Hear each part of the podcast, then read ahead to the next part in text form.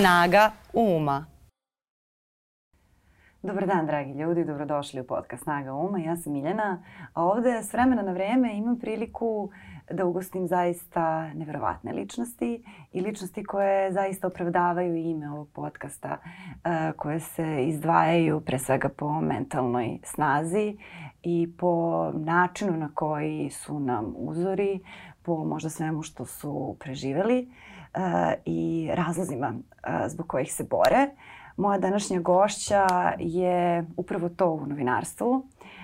Novinarka Jelena Zorić koja ovih dana trpi neverovatne pritiske upravo zbog toga što radi svoj posao odgovorno, istražujući slučaj Jovanjica, ako se to može nazvati slučajem, iako se naziva aferom. Uh, Tako da je meni danas zaista ukazala veliku privilegiju i veliko poverenje što je došla ovde, što je odvojila vreme da sednemo i da razgovaramo o svemu što ona proživljava i načinu na koji uspeva. Jelena, dobro mi došla i mnogo ti hvala na poverenju. Hvala tebi zato što si me opet pozvala. Ovo mi je jedna od omiljenih emisija u kojima sam ikada učestvovala i potpuno je drugačije od svega zato što nekako nekako budem na trenutke baš ja, ono, uvek pišem o drugima, kao, i sad onda ti me dovedeš u neko stanje u kom se ja ne snalazim, to je da govorim o sebi, ali izazov ali i treba, i treba i meni je, meni je drago da ljudi imaju priliku da upoznaju makar, oni, makar mali deo tebe,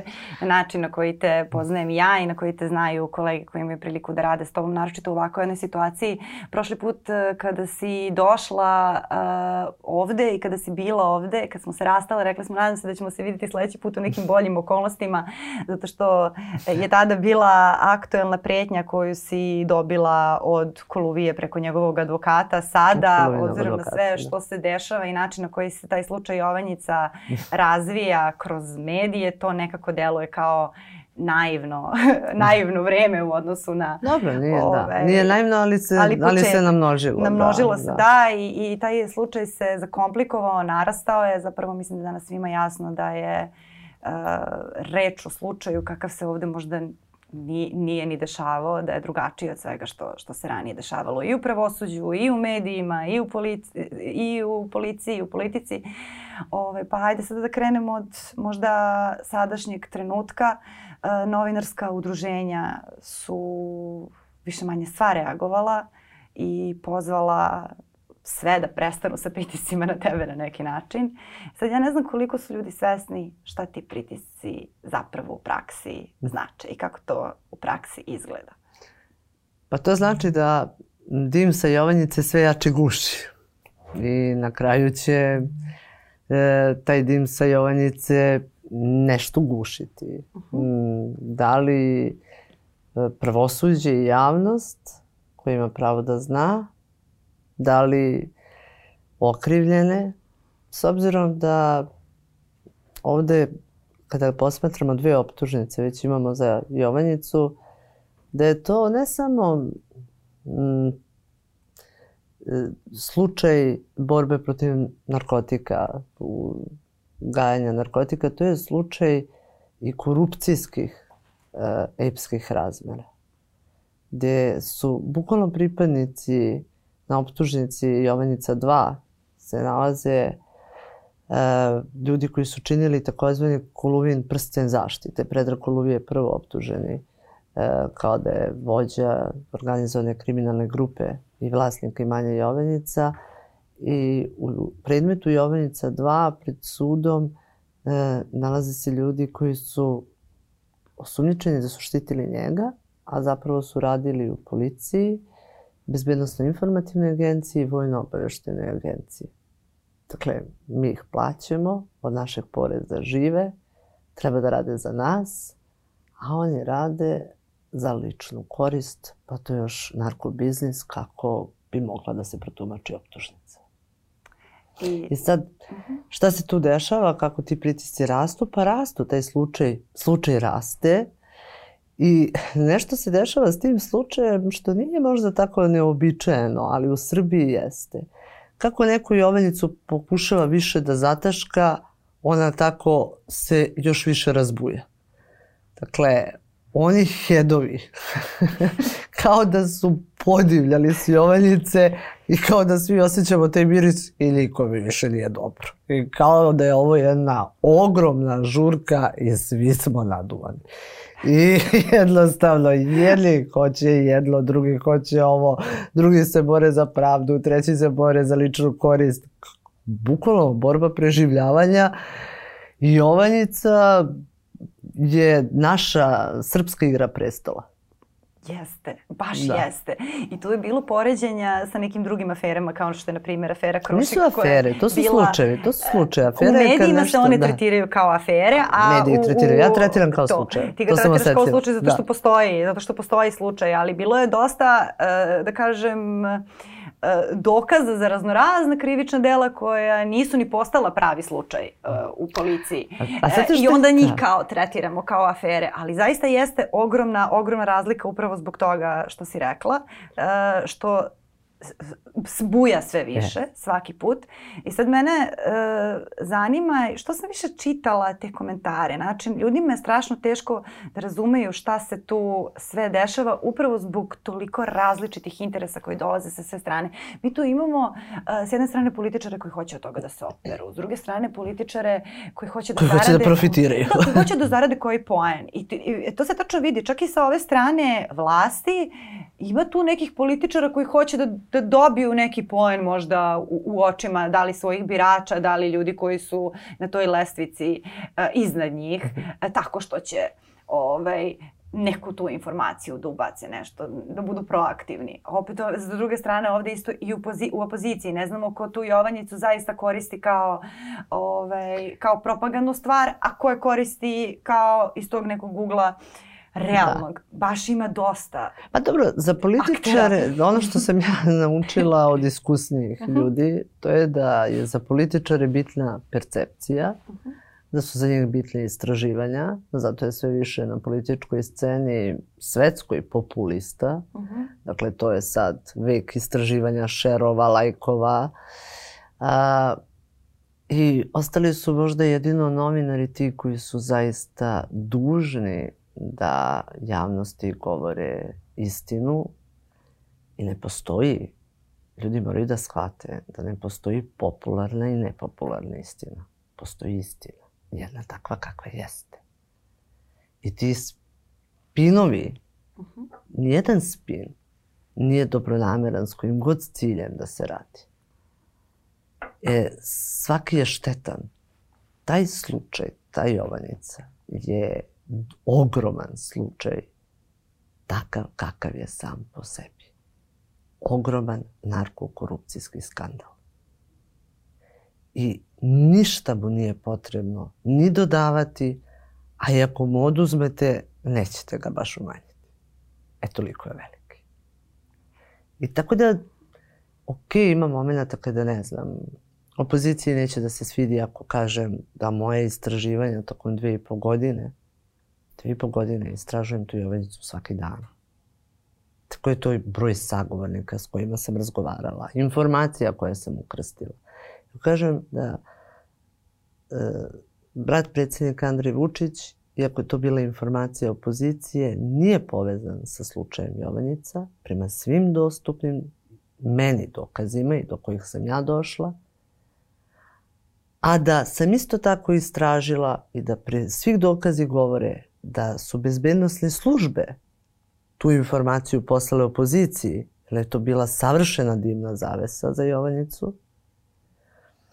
I ako kažem da se direktor Bezbednostne informativne agencije Ratislav Gašić, direktor Vojno obaveštajne agencije Zoran Stojković, da su se čuli s Predragom Koluvijom i da su dužni javnosti da kažu da ja ne kažem da tu ima kompromitujućih poruka ali da je neozbiljno, bezbednostno da službu vode ljudi koji su u komunikaciji sa čovekom koji prema optužnici i kako su pokazala tri nezavisna veštačenja je gajio marihuanu jako visokog THC-a koja se tretira kao skank. Dakle, dužni su da daju objašnjenje da me eventualno tuže ako im je lakše tako da dođemo do istine, što sam takođe rekla, ne bežimo od te tužbe. I da, ali ne one slap tužbe, to kao ja ti oduzimam vreme, pa te tužim, pa ne dođem, pa odustanem. Ne, da dođeš. Ako ćeš da me tužiš, da dođeš. Pa da dođemo do istine. I da vidimo da li ste u, i vi upleteni u korupcioni kan, skandal ili ste jednostavno nedovoljno bezbednostno bili spremni za delovanje na takvom položaju. Mi sad ovih dana imamo dosta po, i po Pinku i po Happy-u optužnica kako, jajde, Nova S televizija, ali tu spada i portal. Oni nas često mm. i mešaju i, i ovaj, stavljaju kao, tretiraju kao jedan medij.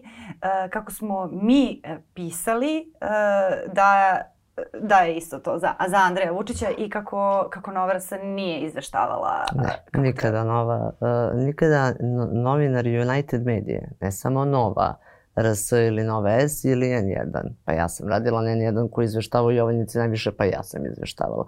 I vi ste gomilu mojih tekstova prenosili. Da, oni čak kažu i da sam ja priznala posle tri godine da sam priznala da sam lagala. Sam ja ništa priznala, to govore ovi što im se neka priznanja obilo glavu. Nešto mnogo priznaju u poslednje vreme ili ne priznaju pa im priznanja u glavi. Ne. Jednostavno, mi smo prenosili šta govori opozicija. Ali vidite i to kako je bilo. Kako je to počelo. Ja se sećam tog dana kad je od opozicije krenula informacija da je e, za Andreja Vučića.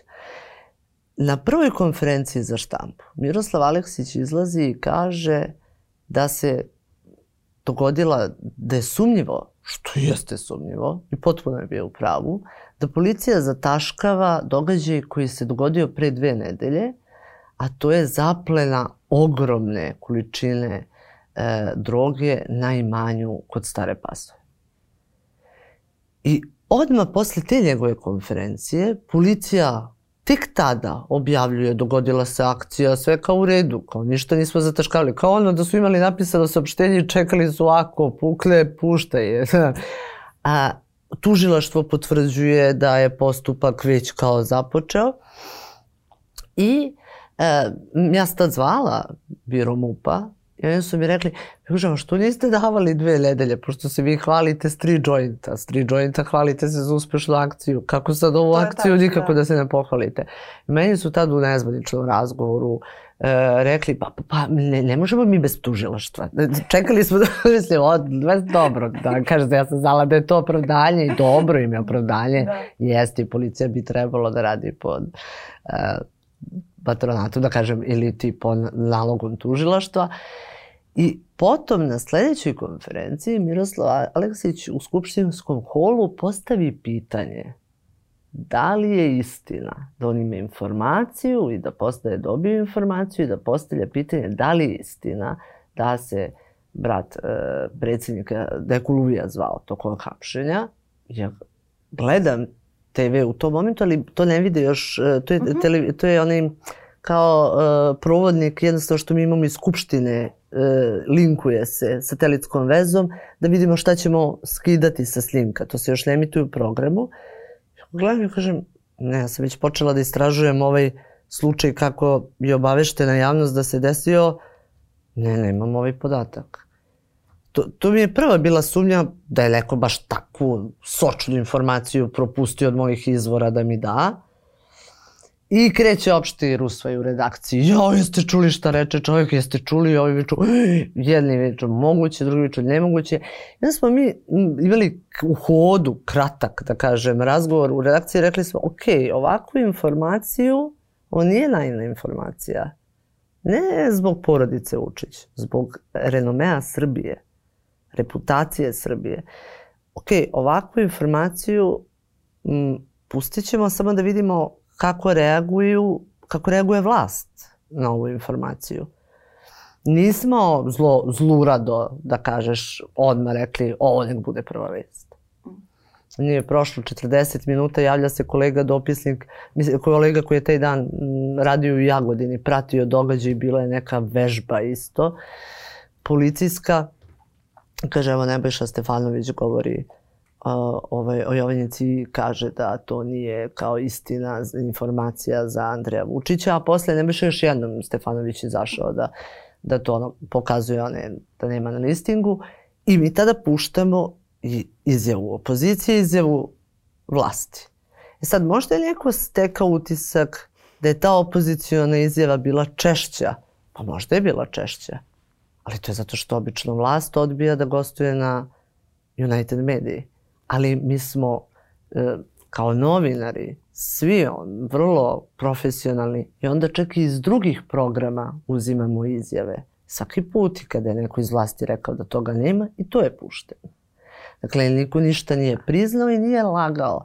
Niti je opozicijni političar je pitao, za to je dobio tužbu za uvredu časti i ugleda, sud izgubio, kaznu platio. I tu se, tu se Ja sam stvara, i tu vest da, prenala. Tu se stvara jedna jako uh, loša navika kod ljudi uh, da, da televizije imaju stav da, da mediji imaju stav. Mislim, United pa Media, evo recimo post... portal, televizije u poslednjih nekoliko godina, ne znam koliko se puta um, United Media oglasila, ne znam, kad je preminuo Veselin Simonović u tako nekim uh, situacijama i to je sve, ali za moje kolumne stvari koje izlaze na Nova RS, to nisu stavovi Milana Vukilića, ostalih uh, kolega novinara, to nije automatski stav glavnog urednika, direktora, niti ovaj, kolega sa N1, niti su njihovi stavovi moji, niti su stavovi mojih gostiju moji. Uh, Znači ono što ono što prenosimo, prenosimo. Pa dobro, možda neko možda olako, neko gleda i prema sebi. To se jako možda možda neko da ko optužuje tretira. tako gleda prema sebi. Jer u, nismo mi sad naivni. Pa nismo u nekim naivni, kućama postoji to... uređivačka politika i kao ti ne smeš da odstupiš od uređivačke politike.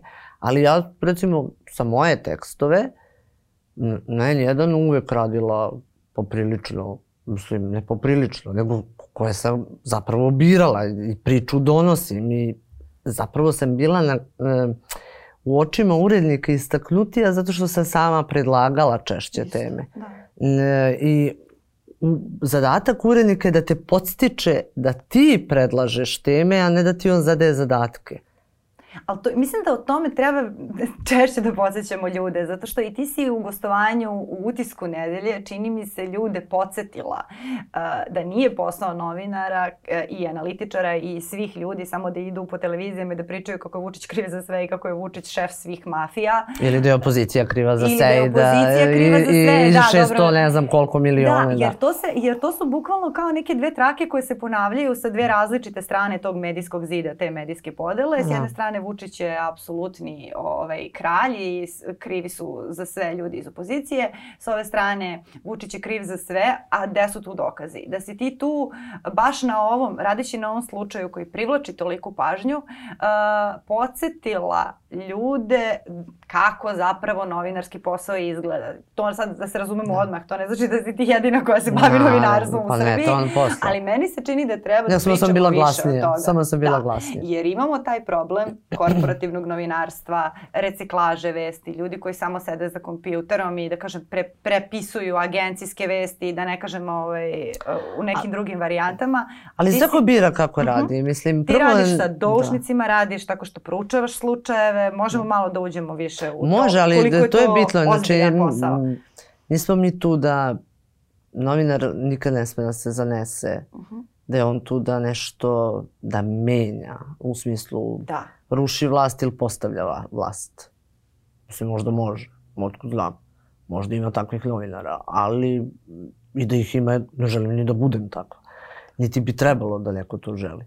Bilo je Čiste, takvih. Ti sad, analitičar, on nešto analizira. Ima neke utiske, pa analizira na osnovu utisaka. Pa, kako je, kako je njemu kaže opozicijni političar kao i političar na vlasti, takođe, on gleda percepciju. Šta bi valjalo da kažem, šta ne bi valjalo. Moje samo da kažem. Da istražujem, poređujem činjenici i kažem. I, dakle, to je posao novinara. Šta, što vas oni zastrašuju Ako kažeš istinu, a ta istina meni ne odgovara, a onda ćeš da doživiš, ne znam, salvu uvreda ili napisat ću, uf, što me razočarala ova novinarka, Pa vidi, ti ja to kažem. A ljudi imaju pravo da kritikuju, to je na prvom mestu. Imaju pravo da sumnjaju i dobro je da sumnjaju, to je na drugom mestu. Na trećem mestu je pa moje je bilo da ti kažem istinu, ti sa svim radi stvarno šta hoćeš. Ja nisam tu da vas pitavam ljude. Moje je samo da im dam i radim za njih. I za to me plaćaju. A plaćaju me građani Srbije. Sve to ide, sve, ta, svi koji novac dobijamo, dobijamo od građana Srbije. I na javnom servisu, ali i mi, neke reklame, pa to sve plate građani. Znači, radiš za ljude, radiš za javni interes. Što se tiče rada, Pa hoću da uđem u tu priču. Rad sa doušnicima. Zapravo, želim da uđem u tu priču. Kako to, je, koliko je to e, zapravo ozbiljan posao i koja je to težina kada, da nije isto kada ko, ko piše i ko govori, kakav rad da. stoji iza tvojih tekstova sada u vremenu i, i za Birn. E, taj rad s doušnicima uh mhm. -huh. je zapravo Do, nisu tu doušnici. To su, to su izvori. Mi to ne u novinarstvu su izvori, izvori, u policiji yes. su doušnici, da. I mi to, rad s izvorima je možda najinteresantniji deo posla. I najteži. I najizazovniji. Da. A to je deo posla o kome najmanje smiješ da pričaš. I najmanje smiješ da govoriš. I zato da ne bi ugrozio i izvor nesveslo nekim podatkom e, i da ne bi, ne znam, i otkrivo način rada, to je u redu kad ja to govorim mlađim novinarima. Uh -huh. Na nekom kursu, na nekom predavanju. To, naravno, to delimo te iskustva, ali je stvar i osjećaja. Dakle, prvo, kada se spajaju novinar i izvor, niko nikom ne veruje. Novinar je dužan da izvoru nikada ne Vidite kako se taj odnos razvija. Da. Vama neko izvor možda bude 15 godina. Da vam postane draga osoba, u smislu drag poznanik. Ali i dalje ne smete da mu verujete. Što smo imali slučajeve u našoj novinarskoj istoriji tata, da... Tata tvoj da ti da. izvor, da. ne smeš da mu veruješ, moraš da ga proveriš. Da.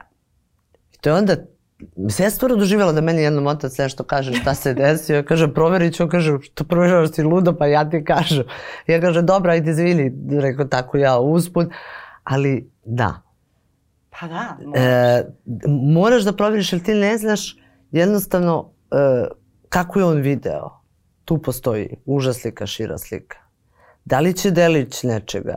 Ja recimo nekada dešava se da vam neko dostavi delić dokumenta taj delić dokumenta zvuči skandalozno. Kao da ćete da dobijete pulicer ako ga objavite. A kad pogledate recimo ceo dokument, ceo kontekst, a to recimo neće tada da vam da, uh -huh. nego nakladno dođete do toga, onda vidite da to nije tako. Ili vam da neko delić nečega što vam, ili ceo dokument, što na prvi pogled zvuči dobro, šta, šta je ovde sporno, A onda počnete da razmišljate na šta to sve utiče i dešava se ogromna priča. I kakav to odjek ima, na koliko ljudi utiče. Tako da je sve, zato je potrebno ne samo e, iz više izvora proveriti, ukrstiti informaciju, sagledati iz mnogo uglova, preraditi u glavi svoj na mnogo načina mm, morate znati motiv izvora. Da li mu je motiv javni interes? Ili mu je motiv da se nekom sveti, da nekome naudi? Ili sebi da napravi ličnu korist? Što je slučaj i za sagovornike koje govore javno, isto. Yes. Isto jako važno. Mislim, što isto gledamo uh, trenutno na mnogim televizijama raznorazne ispovesti vrlo upitnih motiva i u tim ispovestima se govori o svemu sem o motivu. Što je početna prva i najvažnija stvar uopšte da. ko, koja Interesna određuje, grupa. da, koja određuje uh, kredibilitet. Ja sam se tebi zahvalila kad si ovde došla zato što ti činiš meni, ne činim ja tebi. E, nemoj pa, tako, dobro, sad si ona, baš ne, ljubazna. Ali, ne, ali to je u, u, u nekom Ja možda, tebi šire, samo, ja možda tebi samo činim zato što sam došla u sred haosa. Ti, si, do, ne, ti, ali... meni činiš, ti, ti si meni ukazala poverenje, ali ja tebi ne činim. Znači, ja tebi ne pomažem nekom tvom biznisu time što ti dajem prostor da pričaš neke stvari. U, u, biznis, to, da. u tom nekom kontekstu, u tom nekom kontekstu govorim, kada pričamo o tim motivima.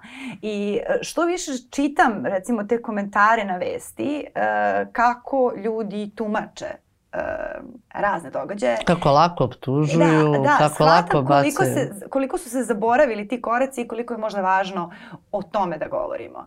E, jer to je ono što je zapravo, u čemu se razlikuje ta mentalna stabilnost da u, u vremenu kada se podrazumeva da preskačeš sve korake, da ti treba brzo, da ti treba odmah, da idemo na senzaciju, da ih ne preskočiš, da kažeš nepopularnu istinu, da. Da, da čekaš dokaz i potvrdu drugog ili trećeg izvora dve godine ako treba, a da ne laneš odmah. Dakle, to su one stvari koje, koje čine jakog novinara i koje tebe su, ja, ja mislim, ovaj... Da, ali to što rade i neke druge, da kažem, uh -huh. kolege, vidi, ima tu Miljana i toga kakav učitelj, takva deca, a ima i toga kakvo selo, takav pop. Znači, potražnja i ponuda. I sad, moji tekstovi nisu za širu publiku. U smislu, ne čita nikada moj, osim ako ne budem napisala da je ne znam, neka starleta ugradila nove silikone, ja nikad neću imati najčitaniji tekst u zemlji tog dana. Ili ako ne budem napravila neku paparacu fotografiju. Ali jednostavno javnost ima nešto što traži uh -huh. i to istraživanje javnosti nam stvara političare populiste, ali i novinare na klikove. I tu dolazimo onda do, do, do tog momenta da se stvara potreba da se istina što više pojednostavi. I da i kada se prave afere za medije, one se uglavnom prave tako da imaš jednog negativca i jednog heroja, mm -hmm. zato što ljudi vole jednostavne istine. A, Jovanjica koja nije napravljena kao afera, ona je jako komplikovana. zato se svima zbrkalo u glavi. jako komplikovana. ona je slučaj, ali da, nije afera. Da, znači... ona je jako komplikovana, ona nema jednog zlikovca i jednog heroja, mada ima dosta heroja. Jest. Ima i dosta zlikovaca. Ove, da. Nisu mislili da, zlikovci. ima dosta ljudi koji, koji su unesrećili mnogi ljude, to je sada već jasno. E, ove, I to možda treba da se, da se razloži, jer e, to kada ti izađeš i izneseš ogromnu količinu podataka koji su malte ne osnova za otvaranje te Jovanjice 3 koja bi se zapravo bavila uh, ulogom političara Pa ne samo da, ali političara, ali da kažemo tom, viših tim, položaja bezbednostnih službi. Uh, tim nivom. Da. Ove, I kada, kada se iz toga, to što kažeš, spinuje, Uh, kao, aha, ona je sada rekla da brat predsednika države nema veze sa tim, jer to ona novinarka koja je odlikovana. Da, i to kao, iz cijele te priče izvuklo se, izvuklo se to. Da, pa dobro, pa, uh -huh. pa dobro izvuče se i to. Mislim, ljudi sumnjaju. Ljudi imaju pravo čak i tako da izvuku. Sve to deo, sve to deo moje karijere. Ja sam dobila orden, jes. Pa što ne bi izvlačili kad god im se pravo. I šta si dobila, šta ti znači taj orden u životu? Imam manje para posle orden.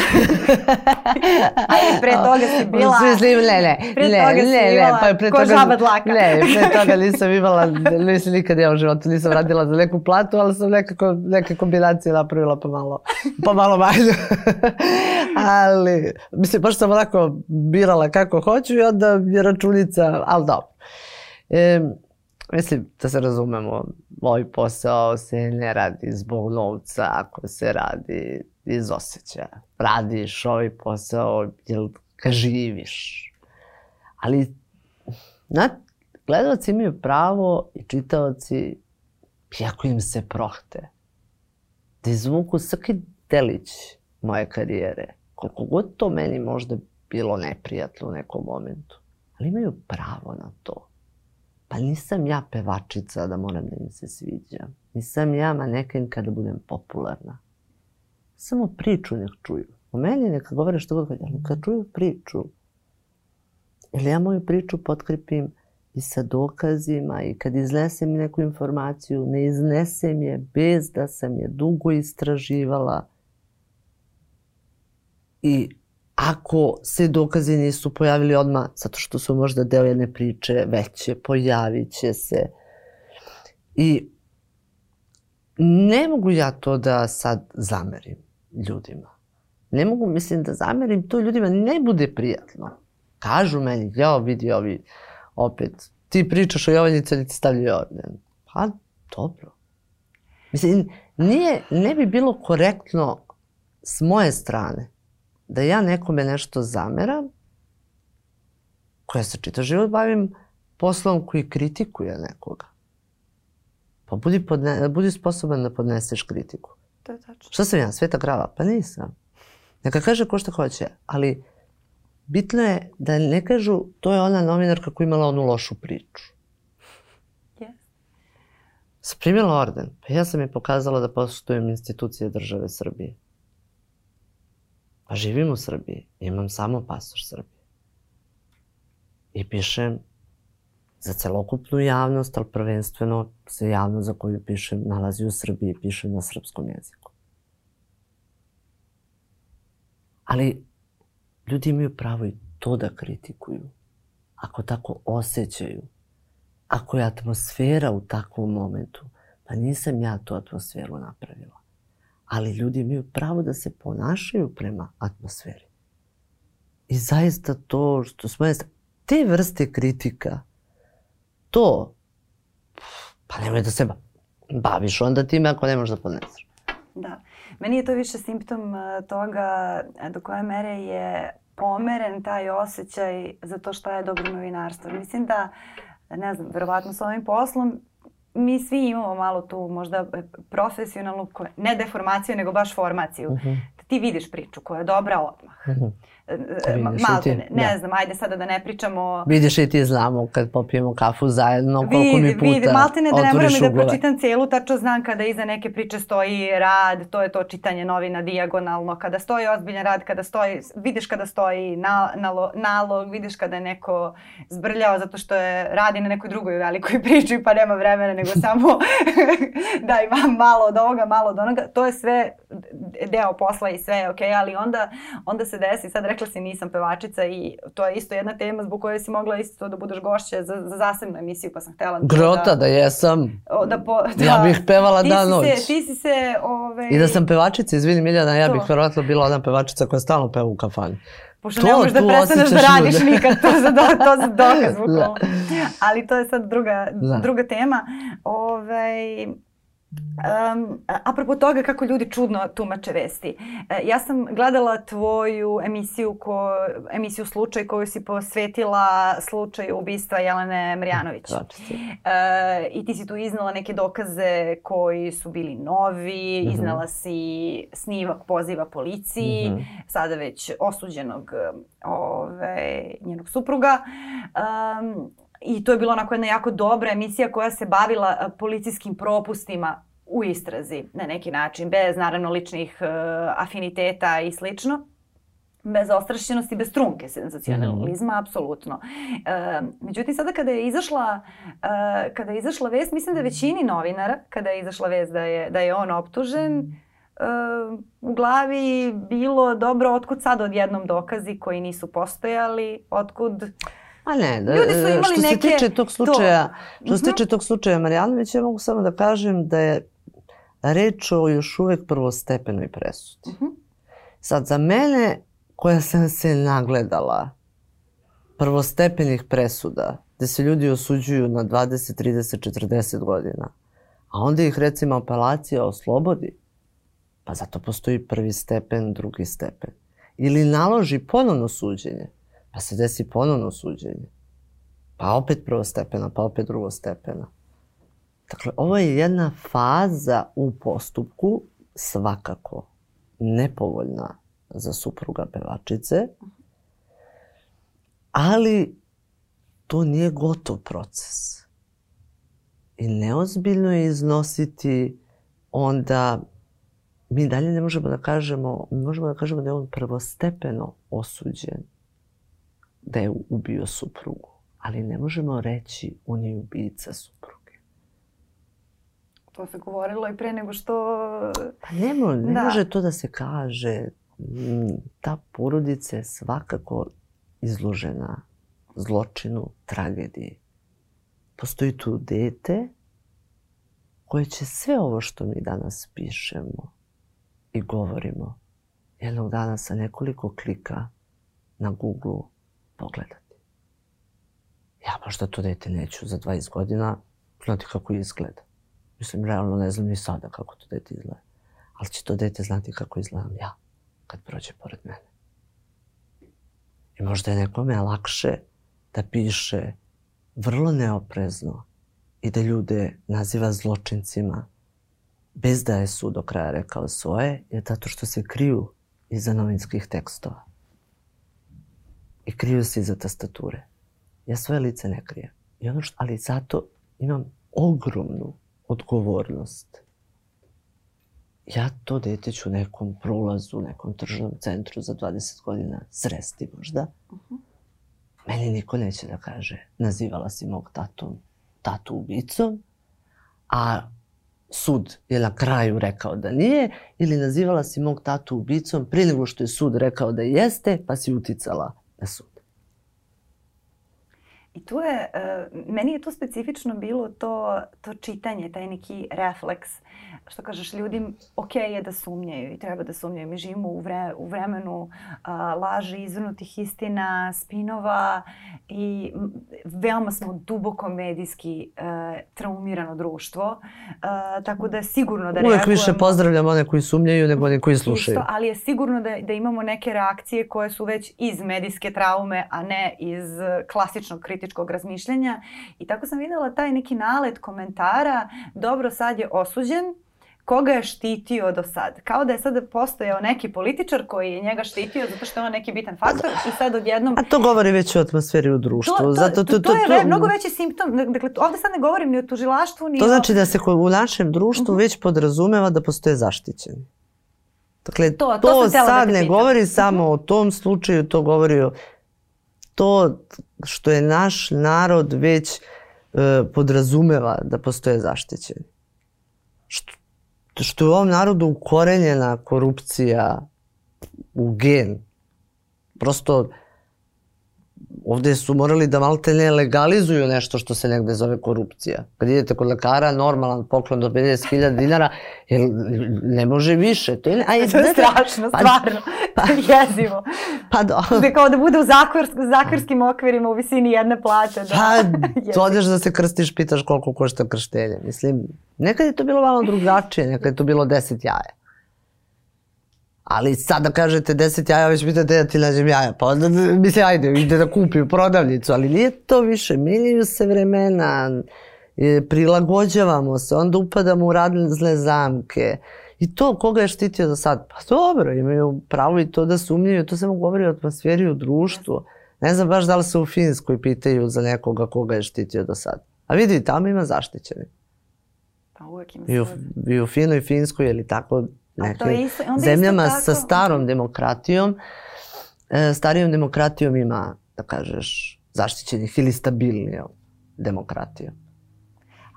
I onda, Ali, I onda isto tako uh, podrazumevaju da i nema ljudi koji govore uh, nove čudne, neprijatne stvari, a da nemaju agendu. I tu se onda vrtimo stalno, stalno u tom krugu da, da postoji jedna ozbiljna inflacija informacija, da. zato što kada imaš toliku količinu uh, i besmislica i poluinformacija i loše tumačenih informacija, onda zaista i one stvari koje su realno otkrića uh, ja mogu da odgovaram, imaju taj moment. Ja mogu da odgovaram i da razmišljam samo za ono što ja činim. A ne ono što će činiti drugi ili što će učiniti suprotna strana. I e, to je fair. Da tako bude, pa da i da neka ne bude prijatno. To je fair. A, to što ljudi više čitaju tabloide, nego recimo priče na kojima ja radim, ok, svi znamo da je kriva atmosfera.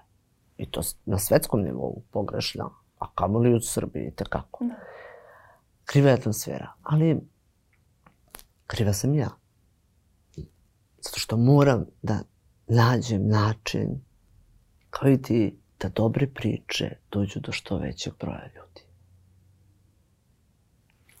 E, sad dok, dok ovo razgovaramo, ja sam još uvek pod, pod utiskom uh, intervjua Dijane Hrkalović koji sam odslušala. Jasno.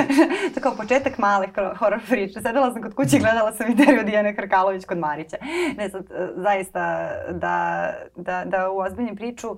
E, ja sam dugo imala taj stav e, da ne gledam sadržaje za koje smatram da ne bi trebalo da se, da se emituju. Upravo to. Dakle, ukoliko uh, izjave za medije daje neko ko je zvanično optužen i ne bi trebalo na taj način utiče na svedoke, ove, da na taj način, eto, prosto to ne, ne podržavam čak i ako nešto gledaju svi, čak i ako je, da ne želim da budem deo te, ove, tog nekog talasa. Mm -hmm. Ali ovo je priča koja podrazumeva i veliki pritisak e, na novinare, konkretno na tebe koja mi dolaziš u goste. tako, da sam, tako da sam taj, tu napravila neki presedan sama sa sobom pre svega i da bih bila upućena jer je prosto priča postala previše velika tako da sam poslušala sve i to sam poslušala ove, jako dobro.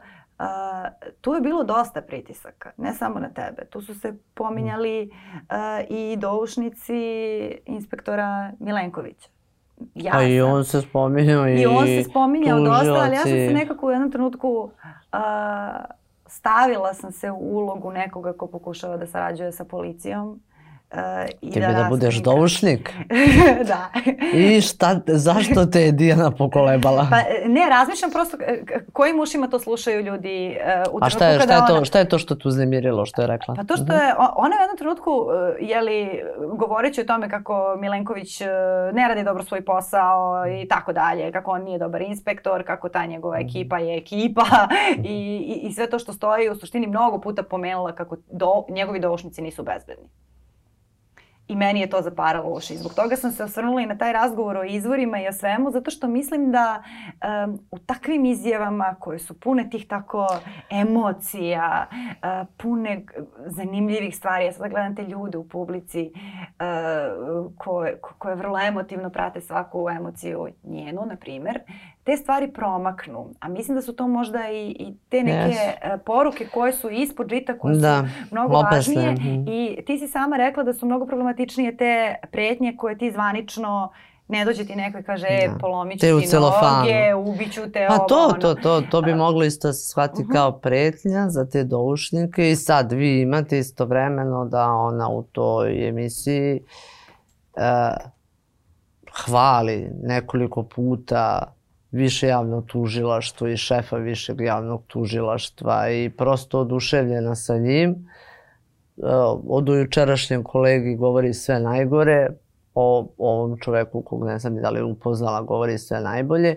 Sad više javno tužilaštvo pokušava da dođe do izvora, a, a e, Mile, a, e, inspektora Milenkovića. Milenković se plaši da ne ugrozi život svojih izvora, pa odbija da im kaže, pa se tu nešto dešava, a onda Dijana blago poručuje da oni nisu bezbedni. E, pa sve je jasno. Mislim, jasno je, meni je samo jasno onda zašto inspektor Milenković krije svoje, pokušava da zaštiti svoje doušnjake. Nije mi jasno zašto više javno tužilaštvo pokušava da sazna ko su. I to tako silovito i tako angažovano. I to posle izjava Dijane Hrkalović. A nije mi jasno ni zašto Dijana Hrkalović ima potrebu da govori o doušnicima inspektora Milenkovića. Ona je bivša policajka, agentica bije, a aktuelna okrivljena pred sudom za organizovani kriminal, to je tužilaštvom u jednom drugom postupku gde se baš spominje njen rad sa doušnicima. I to su te subtilne pretnje koje su mnogo, mnogo problematičnije. Pa ja sad, da, to, znate, da li su mhm. to pretnje, ja ne znam kako, je to, kako su to doušnici inspektora ili on sam, kako su to doživali. Da, ali postoji šansa da jesu. Ja znam šta, mhm. kako sam doživala ono što je rekla o meni. E, to sam htela, to sam htela da te pitam. E, da, pošto i privodimo, privodimo kraju, uh -huh. a ne mhm. bih da, da ostavimo to. Tebi je među prvim pretnjama koja je bila tebi upućena povodom slučaja mm. Jovanjica e, bilo molim se za tebe i za tvoje zdravlje, pa, pa onda molim mi je se rekao, za tvoju porodicu. Ne, ne, Koluvijin advokat mi je, branilac mm -hmm. mi je rekao da se Koluvija e, da hoće da mi prenese poruku da se Koluvija moli za moje zdravlje i, i za zdravlje tužioca Drecuna i za, za koji vodi po mhm. slučaju Jovanjice i za zdravlje onog što ga je uhapsio, kako je tad rekao inspektora Milenkovića. Pa onda posle je bilo da me Peđa pozdravlja iz pritvora, pa je bila tamo neka čudna poruka, pa je onda bilo Koluvin kum, drugokrivljen u slučaju Jovanjica, Sergej Mrđa koji u tom momentu je u bekstvu pod Interpolovom poternicom, on u bekstvu krije se i po Facebooku piše, postavlja poruke da se da će da pojača molitve, ali neće da se moli samo za mene, nego i za moju porodicu, pa mi čestita uskrs. Pa sada, i sada, i sada, a, pa ja sam ozbiljno doživela. Na, sada... I ja bih to ozbiljno, ozbiljno doživela. E, a više tužila što taj slučaj uh -huh. za mhm. Sergeja Mrđu, za uh mhm. -huh. Koluvino kuma, on je u višem javnom tužilaštvu. Ja to prijavila pre godinu i nešto. Te pretnje. Taj čovek bio na Interpolovoj poternici. Umeđu vremenu uhapšen. Šest, oko šest meseci mislim da je u pritvoru. Ma, moj se slučaj nije mr, mrdno smrtve tačke. Za te, da se moli za mene i za moju porodicu i da mi čestito uskrsi kako ću ja proći. Znači, više javno tužilaštvo mrdnulo kada meni upućuje pretnje Koluvin kum. Ali kad jedna kaže, onda više javno tužilaštvo zove da ispita da li je čovjek koji uhapsio Koluviju zapravo narkodiler. Znate, javni tužioci bi trebalo da budu obazrivi, da ne počnu da rade za lični interes. Zato što su javni.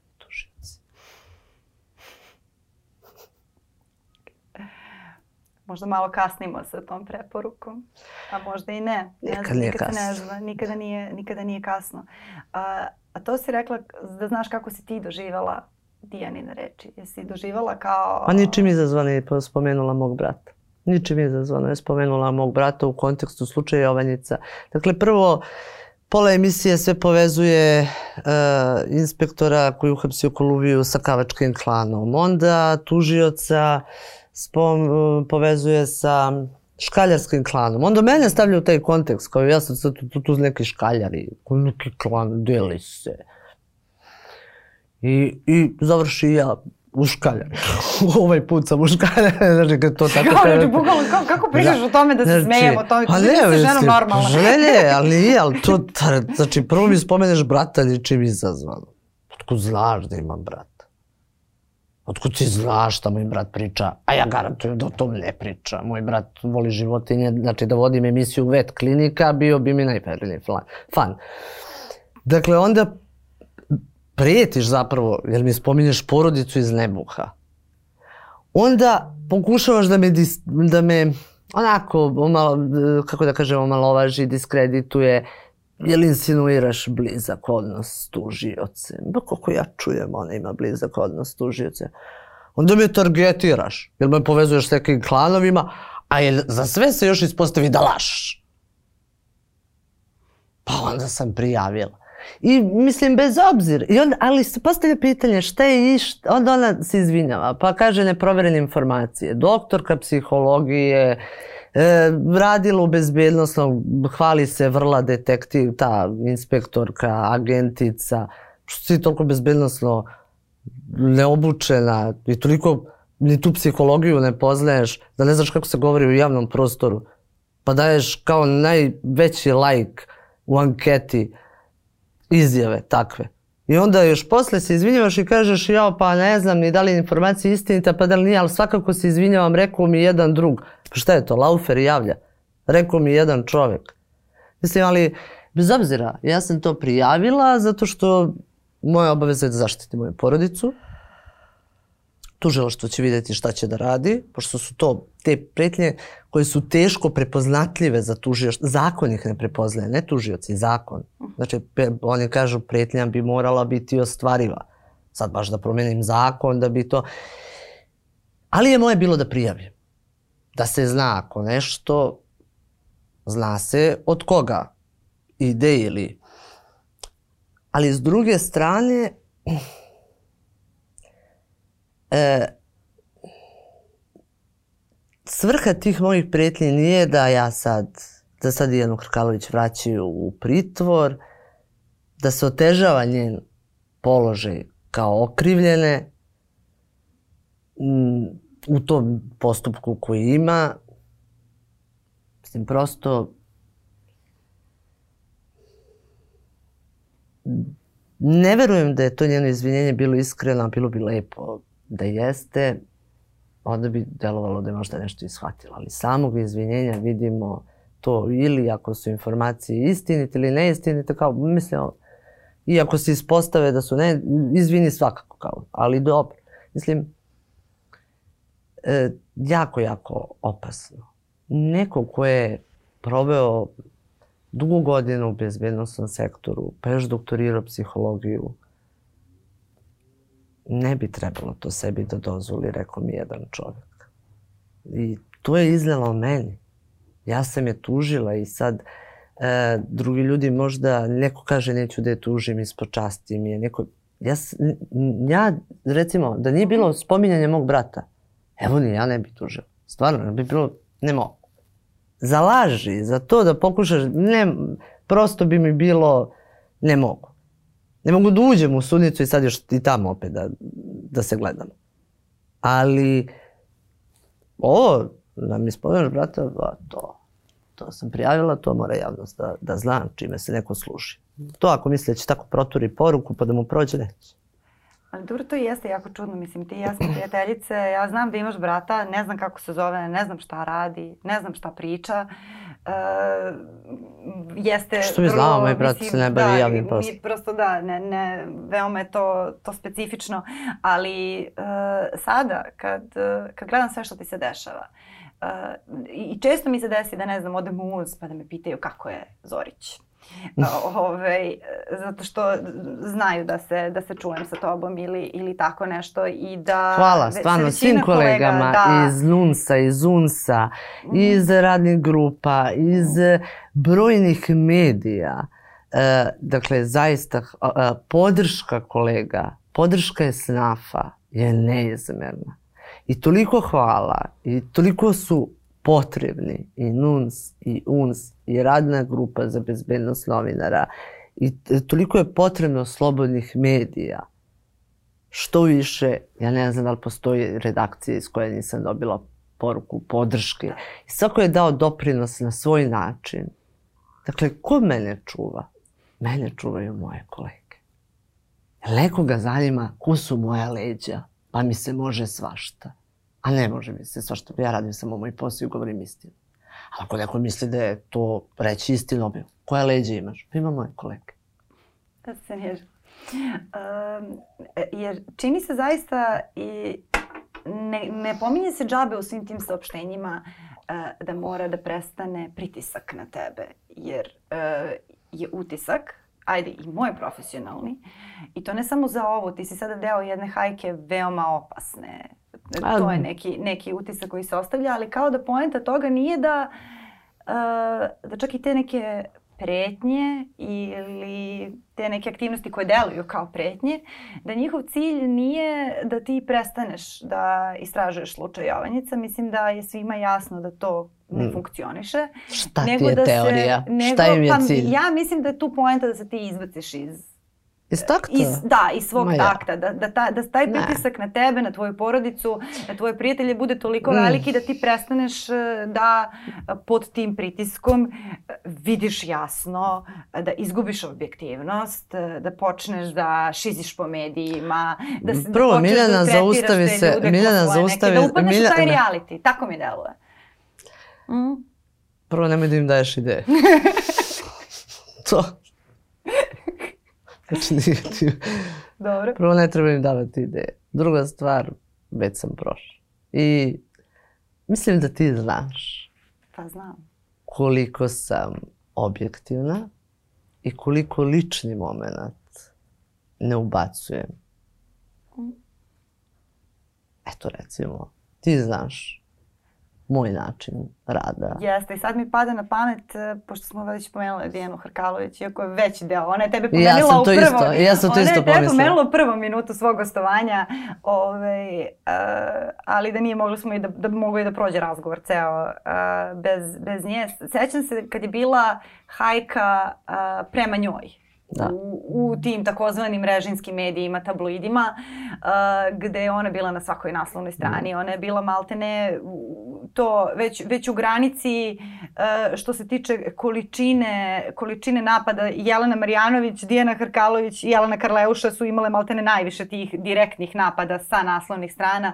To znam zato što se bavim tim statistikama kada, kada su napadnute bilo koje žene. Uh, pa se napadao njen privatan život, pa su se bavili njenom seksualnošću i tim nekim stvarima koje stvarno nemaju nikakve veze ovaj, ni sa čim. Uh, I ti si bila prva koja je poslala molbu i grupi novinarke protiv nasilja i pitala uh, ovaj, zbog čega ne branimo ovo, nju napadaju kao ženu, uh, na, to, na to nemaju pravo. Yes.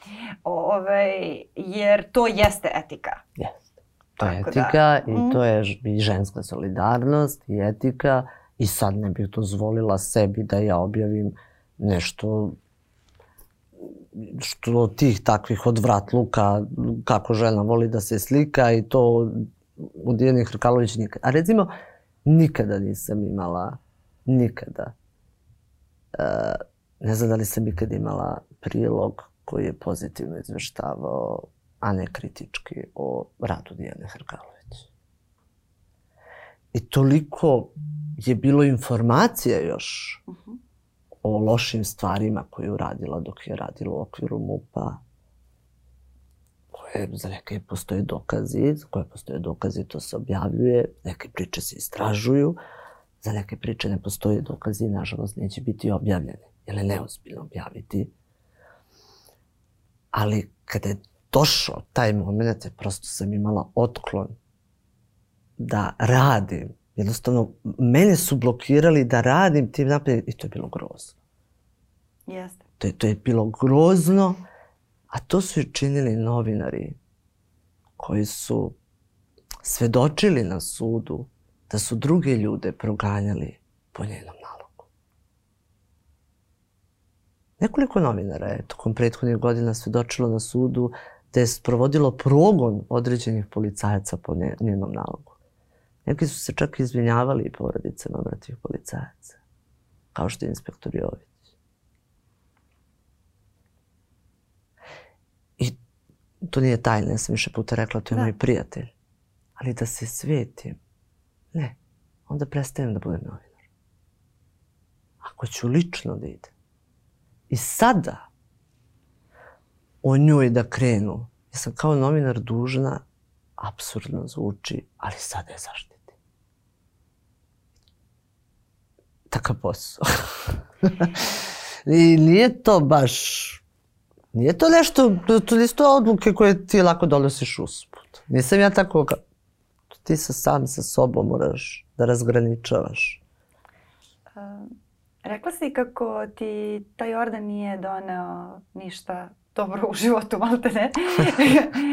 I, ne, nisam, nisam, ni ne, nisam se prodala setila to. se sada ne, e, da, uh, ali si mogla. ali si mogla. Uh, hoću da kažem, ti pa, si... Pa može svako. E, nisam baš sigurna. Mislim da... Šta, pa to je pitanje u, odluke, poslu, hoćeš, nećeš. Samo je poslu, razlika u ceni. I u našem poslu, razlika je u ceni. Kao prvo i u našem poslu novinari koji reše da se tak, pod zasima navoda prodaju, moraju strašno mnogo da se dokazuju da bi se prodali sad već i za često vrlo male pare. E, ja znam i u novinarskim krugovima se zna da je tebi nuđeno mnogo toga, ne da se prodaš sada da ti ideš i da pričaš no, legalan posao. Da. Pro, propagandne ove, pesmice, nego malte ne da si mogla jako lepo da živiš, a da ne radiš uopšte. Pa da otprilike. da, da. Da, Meni da niko nije nudio, da, da. Hoćeš da, da kažemo nešto malo više o tome, zato što to je upravo i ta mentalna snaga i predanost profesiji, jer ja sam bila prisutna kada si, kada si izgovorila rečenicu ne, ne može mene neko da plaća, smijem da kažem cifru? Kažeš. Ne može mene neko da, da plati 3000 eura da ja ne radim svoj posao. Pa da ja ne budem 30, novinar. ne može ni 30. A nudili su ti i 15 i više i 30. Da. Ove, kako- 30 nisu, ali ne 30 bi nisu, prihvatila. Da da. kažem, ono ne bi Da, prihvatila. o, znam. Ne, ne, ali pa ne, ne radi se to zato. Ali 15 jesu. ima jedan, uh, ima jedan, mm, a sad ko je nudi? To nudi ljudi koji imaju Koji imaju. perspektivu, mislim, I ljudi drugačiju. imaju, druga, nije, to, da. nije to da neko ne pomisli vlast. Nije mene Ne. pozva neko iz vlasti. Mhm. Ne, ne, to su biznismeni koji pa kažu imam ja za vas bolji posao. Ali ja znam šta se krije za toga. Znači da samo to definišemo. Šta se krije iza toga? Pa ne, da da- imamo Jelenu Zorić da njom mašemo, ne mora ona da radi ništa, samo da Ne, pa ne moramo ni da mašemo samo. Nek bude mirna. A mislim, ja ću se bez novca, naravno, uh, povući kad ne budem imala snage. Mhm. I to igrom slučaja nisam roditelj. Pa možda bih se već povukla da jesam. Eto, ne kažem da je to potrebno, ali ja to volim svaki vikend da provedem sa bilo čijom deca, da se igramo, da nešto, da budemo u nekom okruženju porodičnom.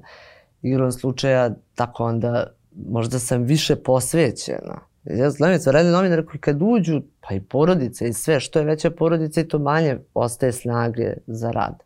I mnogo više Ali rizikuješ da, kad rizikuješ. ali niko mi nije iz vlasti ponudio, to ne. To ja, mislim, to pa sam dobro, mislim htela da im je da- to ali da jasno, da ne apsolutno treba, ali da sam mogla da, da- ne radim, a da budem imućnija mnogo, mnogo imućnija, a da baš ne Za radim. početak imućna. Za početak ima, da, ove, to, to jeste, to jeste bilo, ali odlučila sam se za novinarstvo koji svaki put. Od devete godine, ko se za šta odlučuje, ja se odlučujem za novinarstvo. da, i svaki put je tako. Ovde si prošli put pričala kako si sama otišla i Mhm. tražila posao sa 9 godina. Ali ne da bi dobila platu, nego da radim to što volim. I danas, danas isto od listi lače tražim posao. I, mislim, lepo mi je. Sad sam u birnom vremenu. Nadam se da ću... Sad su, de- to je slobodna novinarka po definiciji, nisi zaposlena ni u jednoj redakciji, nego Pa dobro, ali trudim se da, za, da, da, kao, kao, mislim, ako budem Da. mogla da se zaposlim u jednoj od te dve redakcije, znači Da. će mi Mhm. bolje zbog radnog staža, da nemaš oni prekid.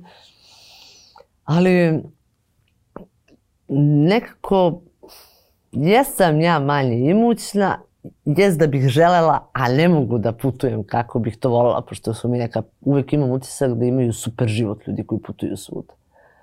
A ko zna, možda je to super samo dok, dok tako želiš. A, ali nekako živim kako hoću. No to, ozbiljan to luks. Nemam Mercedese, nemam ono, nemam ni kadu. Kupatilu toliko je malo da ne može da stane. To mogu da potvrdim.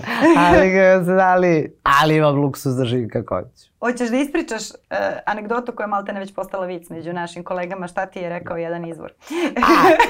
E, ima bio jedan, I da da, ima jedan, kraju, da, da, jest, ima jedan, ima jedan policajac i on sad stalno onako, taj, taj policajac mi je postao, bi se ima jako dugo, imam izvore koji su, 15 godina su mi izvori. Znači, ne bi oni 15 godina, nego su mi po 15 godina izvori. Mhm. Broj mojih izvora se samo povećao.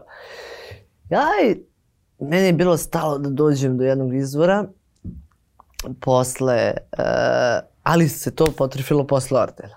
Dobro. A, čitava Srbija priča da sam se prodala.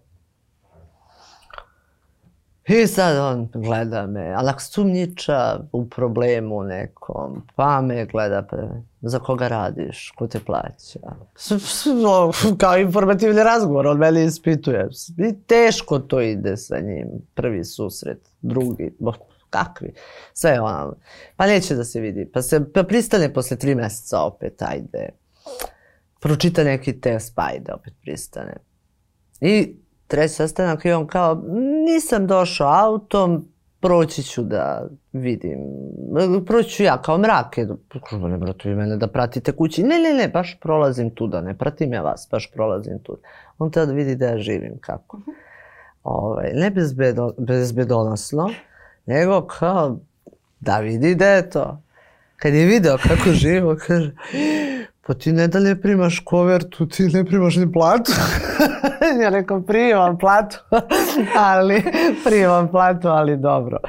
Ovo moram nešto nekad izuštedim i pored sve tako, eto. Tako da to, to je... Ovaj, ali da, ali je, baš bi bilo super. Mislim, stvarno je bilo super da se ceni više to istraživačko novinarstvo. I nije sramota dobro zarađivati. Da me ne shvati sad neko pogrešno. Ne propagiram ja neki ono, monački život i tako. Ne, ne, ne, naprotiv. nije sramota dobro za, zarađivati od svog rada. A nadam se da će doći vreme da od istraživačkog novinarstva u Srbiji može da se dobro zarađuje i da to pruži određenu vrstu komoditeta, makar da porodicu pošaljete negde da prošetaju dok vi kucate priču. Mnogo ti hvala na poverenju. Hajde. I, e, na, je li ti bilo prijetno? Da, jeste. Jo, baš mi je drago, zato što Jeste, mislim mada, da, da, ovaj, da makar imaš eto, sat vremena predaha nekog. Pa ti ono voliš da tu snagu uma pa čeprkaš po umu, pa onda sve se čovjek pita ju šta će, šta će da me pita, ali zapravo interesantno je, da. Hvala ti mnogo i nadam se da se vidimo ponovo u boljim okolnostima, pa da se, ovaj, kako se zove, kada, kada, kada ova priča prođe. Kad god me pozoveš. Kada budem bilo ma, malo mirnije.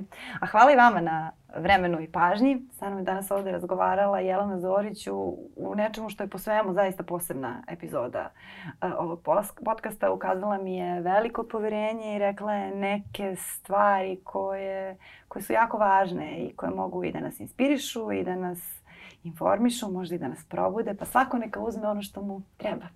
A mi smo tu i sledećeg ponedeljka na Nova RS. Prijetno.